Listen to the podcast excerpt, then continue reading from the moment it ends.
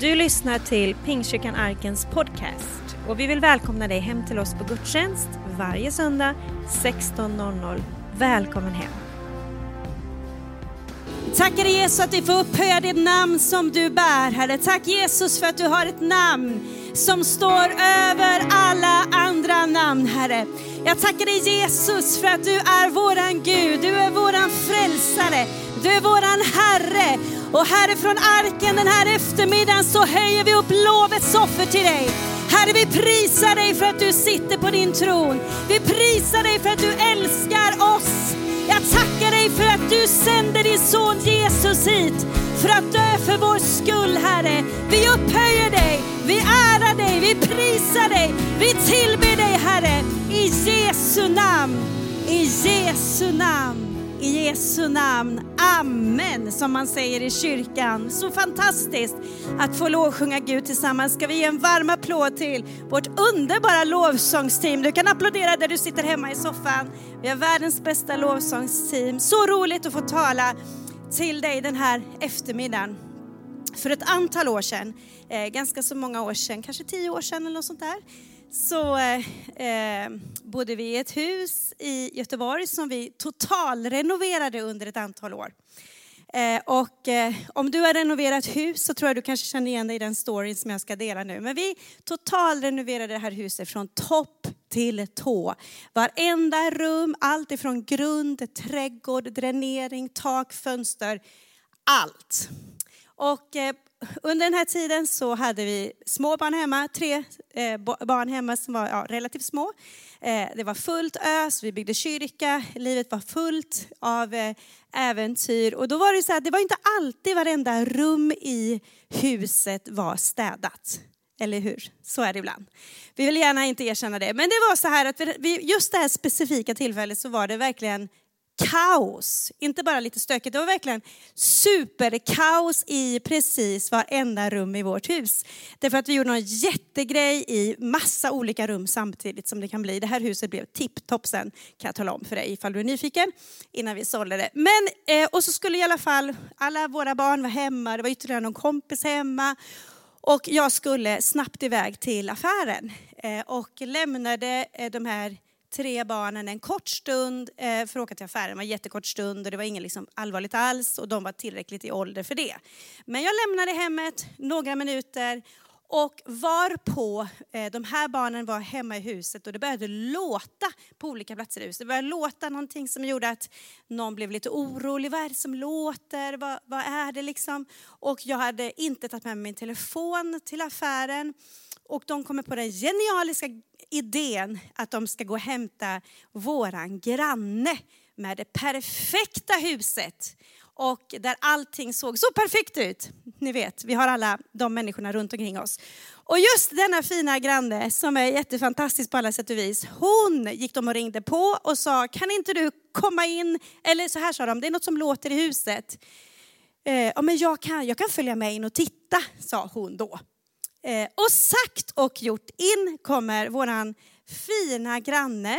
Och medan jag helt ovetandes går och handlar på ICA så går våran fina granne in i vårat hus och går in i precis varenda rum för att kolla så att det inte var någonting i de här rummen. Och hon såg ju hur fantastiskt fint det var precis överallt.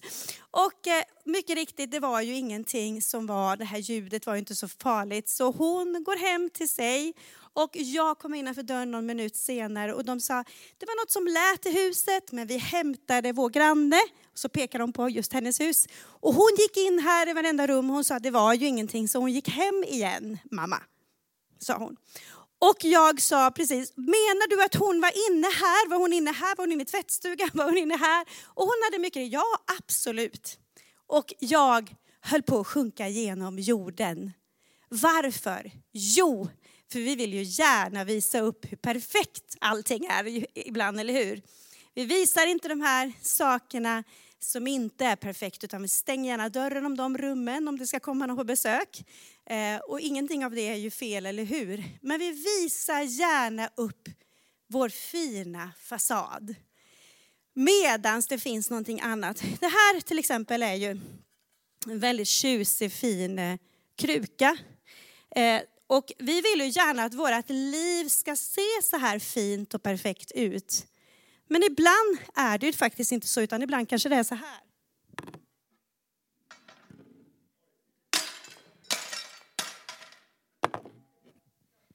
Att vårt liv faktiskt består av ganska så många skärvor. Att det här fina vill visa upp egentligen faktiskt inte kanske är så mycket annat än en fin bild eller en fin fasad. Men i själva verket så finns det skärvor i våra liv. Kanske är det här eh, någonting du upplevde som barn. Kanske är det så att du var eh, mobbad i din klass eller kanske var det någon som sa något till dig när du var liten. Och det har satt så djupa spår i dig. Och det finns där och det är som en skärva. Kanske är det så att dina föräldrar sa någonting till dig som inte riktigt går ur dig. Och det finns där och det blir som en skärva. Kanske är det här en skilsmässa du har gått igenom. Som var uppslitande, som var tuff och som skadade dig, som sårade dig. Kanske är det någon vän som har svikit dig. Kanske är det ett självförtroende som ständigt gör sig påmind där du känner hur dålig du känner dig, hur bra alla andra är. Kanske är det tankar som är så mörka ibland av självmordstankar. Eh, kanske är det psykisk ohälsa som du döljer otroligt bra men som faktiskt finns där. Vi ska gå till en story i Bibeln som är en av mina absoluta favoritberättelser. Vi ska prata om krukmakarens hus. Följ med mig till Jeremia 18, 1-4.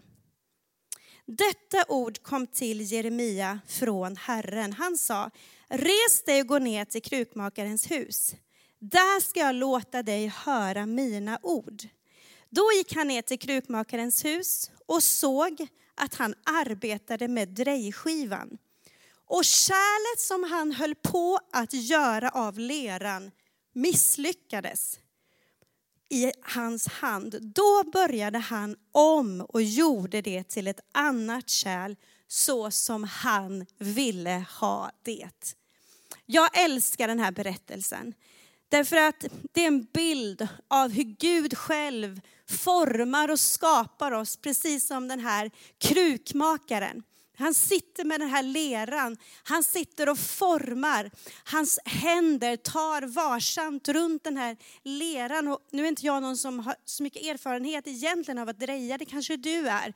Men, men på den här skivan åker leran runt och han sitter varsamt och rör vid den för att få den här fina, fina formen av den här krukan. Och så händer det att det går sönder. Att det inte går, att det här som var tänkt, det blev inte så utan den åkte igen.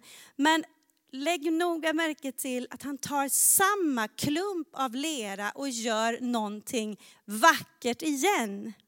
Och Bibeln säger att han gör det så som han vill att det ska vara. Ibland möter vi saker i livet som vi inte förstår. Saker går sönder, precis som jag illustrerar med den här krukan. Saker går sönder.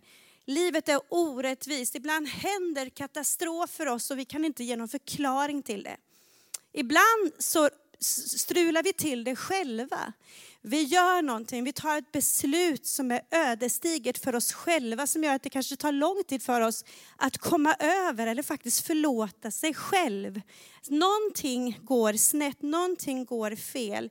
Men det som är så fantastiskt är att Gud upprättar och gör någonting nytt om och om igen. Så vill du ha en titel på den här predikan så är det I krukmakarens händer. Visst är det skönt att lägga sitt liv i handen eller i händerna eller i armarna av någon som är större än oss själva. Gud har koll på oss även när vi misslyckas. Även när saker inte blir som vi har tänkt så får vi under tiden så, som vi lever det här livet med Gud så händer saker. Men han ger oss gång på gång en ny chans. Så nummer ett idag som jag vill säga är att du kan få vara i krukmakarens vilja. I krukmakarens vilja. Och precis som jag sa, så ibland går saker sönder. Ibland händer det saker som vi inte kan styra över.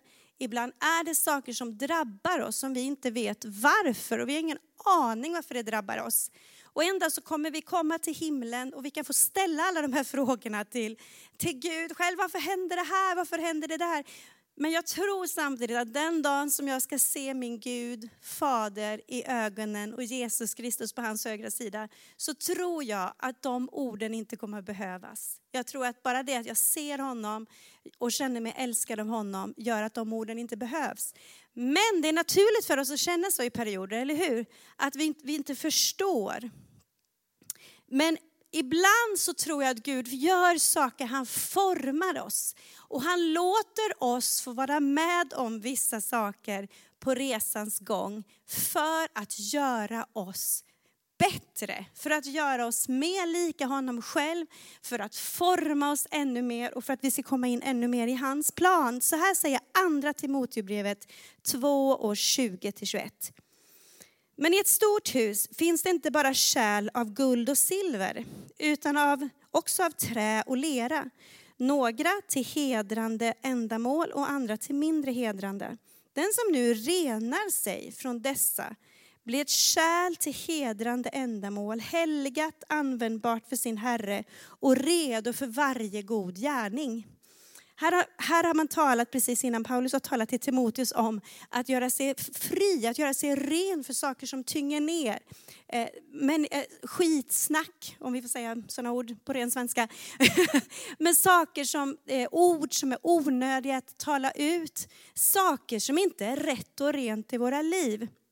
Vill Gud att vi ska bli rena ifrån. Han vill helga oss. Vad är helgelse egentligen? Helgelse det är ett ord som betyder avskild.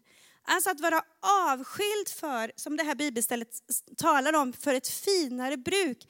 Eh, det handlar egentligen om att när man är ren i sitt hjärta och när man går igenom en process av Kristuslikhet, när vi låter Gud få forma oss även när det gör ont, när, när saker går sönder, att vi ändå väljer att komma tillbaka till Kristus gång på gång och stannar kvar i hans vilja, då kan Gud fånga fram någonting i dig och mig som gör att vi på andra sidan av det blir ett kärl för finare bruk. Det här är lite svåra ord och kanske förstå vad menar han egentligen. Men jag tror att det menar att Gud vill kunna använda oss maximalt.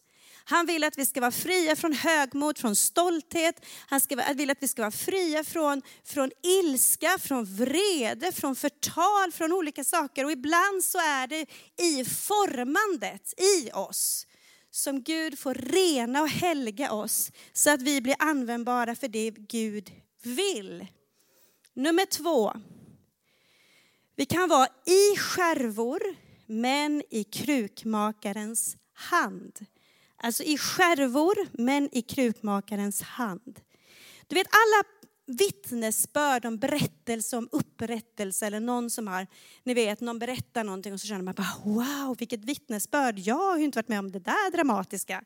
Eh, någon som varit med om jättetragiska saker och så kommer Gud och fixar till allt och sådär. Allt det här är ju underbart att höra därför att vi vet hur sista kapitlet blev.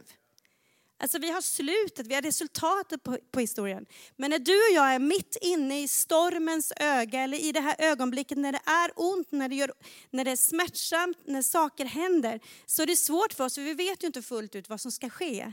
Men vi kan veta att även om vi är i skärvor, även om vi är trasiga, även om saker har gått sönder, är vi i hans hand.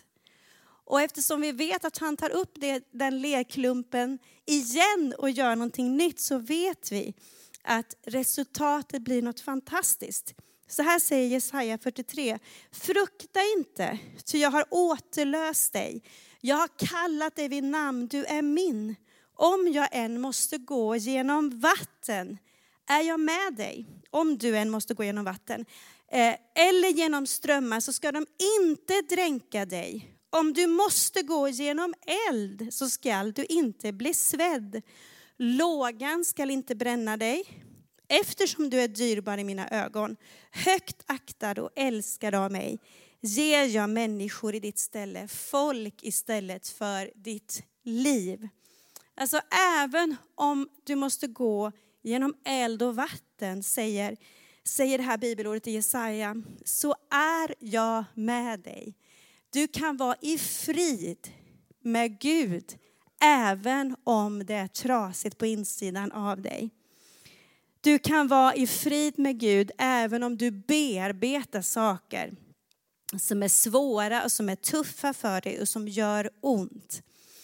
Det finns en japansk konstform som heter kintsukuroi. kintsukuroi. Om du kan japanska du som sitter på andra sidan så får du gärna lära mig efteråt, men jag tror att jag sa det rätt. Kintsikoro. Vi ska få en, se en bild här väldigt snabbt. Det här är en konstform som betyder att man reparerar skärvor. Eh, ett, en lerkärl som har blivit skadad kan man reparera med guld. Och det är just det som är den konstformen, att man reparerar det och man förstår, man förstår att guldet som sätter ihop skärvorna gör kärlet ännu vackrare. Och jag hoppas ni såg en bild som kom upp här lite i skärmen. En fantastisk bild på hur Gud kan använda det som är trasigt i våra liv och hela och läka så att någonting ännu vackrare kommer fram på andra sidan. Så dina sår eller dina misslyckanden eller det som har gjort ont i ditt liv eller det som har kraschat för dig och du känner att hur ska jag någonsin igen komma tillbaka eller hur ska jag någonsin igen få känna glädjen eller få känna att jag har någonting att ge. Vet du, var lugn min vän och låt krukmakaren själv få plocka ihop dina skärvor, sätta ihop dig med guld. Och han plockar fram guldet i dig. Han återställer dig med en större vishet, med en större kärlek, med en större tyngd. Men det viktiga som du och jag behöver göra, det är nummer tre. Stanna kvar på hjulet. Ni vet krukmakaren sitter och det är ett hjul som snurrar runt. Och om leret skulle tänka sig, nej nu orkar inte jag, om det, om det kunde prata då det här leret och sagt att jag orkar inte den här processen längre. Nu har jag gått sönder så många gånger, det har varit så fina vaser på gång och varenda gång så rasar jag ihop igen. Nu hoppar jag av kärlet och så hoppar den av och lägger sig någonstans vid sidan om. Eh, så blir det ju inte så mycket. Men stannar man kvar på hjulet, stannar man kvar i rörelse, i Mästarens hand så kan han fortsätta arbeta med dig. Dra inte dig undan när du går igenom tuffa situationer. Str liksom, dra dig inte från kyrkan eller din smågrupp eller dina vänner eller Guds ord eller lovsången eller, eller tillbeden eller Guds närvaron. Dra dig inte ifrån det. För att Jesus är läkaren. Han är överläkaren. Han är den som kan återställa, som kan reparera. Han kan ta det som är trasigt och fult och göra det vackert igen. Han kan göra guld utifrån dina skärvor. Han kan skapa något helt fantastiskt utifrån det som du är och det du har med dig. Bibeln säger så här i Ordspråksboken 4.20. Min son tar vara på vad jag säger och det är även till min dotter.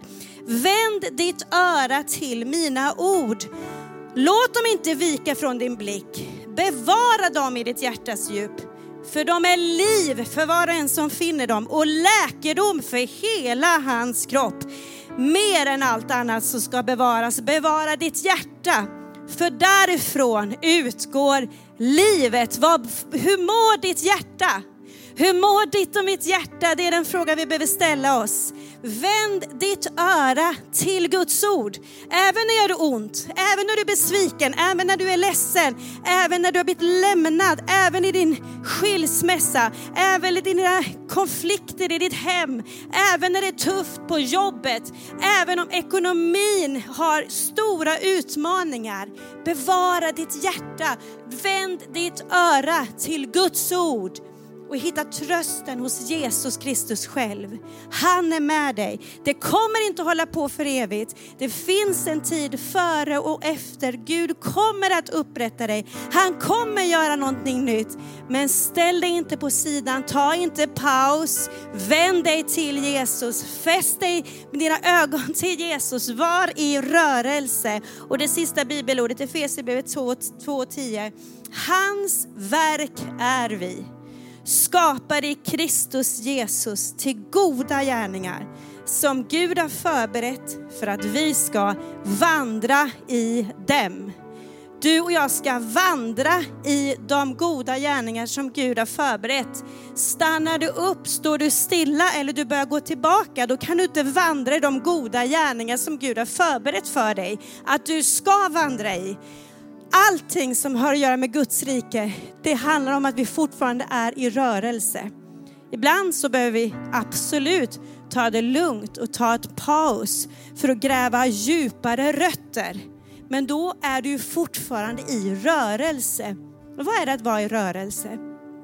Att låta Guds ord få prägla dig, att låta lovsången beröra dig, att ditt hjärta inte blir hårt, att du inte stänger ditt hjärta för vänner.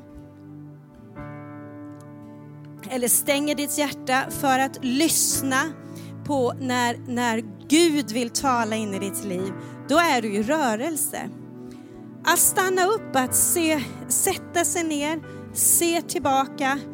Då försöker du få tillbaka någonting som fanns i det förflutna som för länge sedan är borta. Men att sträcka sig framåt, att vara i rörelse framåt för att upptäcka vad har Gud för mig nu i denna säsongen jag kliver in i. Och det finns en ny säsong för dig. Även om du tycker att det är saker som har gått sönder så finns det en ny säsong för dig. Men du behöver öppna dina ögon och se det. Och du behöver låta mästaren själv, hantverkaren, krukmakaren få röra vid dig, sätta ihop dina skärvor, hela upprätta dig, tala nytt liv in i dig. Tala om att du är högt älskad och att du är ett kärl som ska användas för fint bruk. Så Gud välsigne dig. Jag ska be en bön för dig just nu. Jesus, jag tackar dig att du är våran överläkare, du är, du är krukmakaren, du är mästaren och du sitter och formar oss till att bli det du har tänkt att vi ska vara. Och Jesus, jag tackar dig Herre, att du ser till oss var och en. Du ser våra hjärtan, du ser vad som har gått sönder. Du ser vad som har hänt. Herre, du utransakar oss, du känner oss. Säger psalm 139, du känner oss redan när vi fanns i vårt moders liv. Och jag, Jesus, jag vill bara blåsa, jag vill bara att du ska blåsa din helige Andes liv rakt in just nu. I varenda tv-apparat eller, eller padda eller telefon. Den här sändningen, låt ditt liv gå rakt igenom på andra sidan. Och jag bara tackar dig att du återställer, du sätter ihop skärvorna, du skapar någonting nytt i den här stunden därför att du är en övernaturlig Gud som har övernaturliga förmågor. Tack för att skärvarna kan sättas upp, sättas ihop med guld. Herre, jag ber dig om visdom, jag ber dig om mognad, jag ber dig om läkedom och nåd och kärlek på andra sidan, Herre, av den här sändningen, Herre. Fader, tack att du gör något nytt i våra liv, Herre.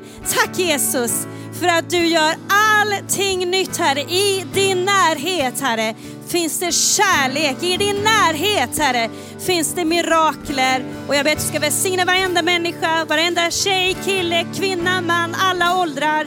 Jag tackar dig för upprättelse i Jesu namn. Amen. Amen.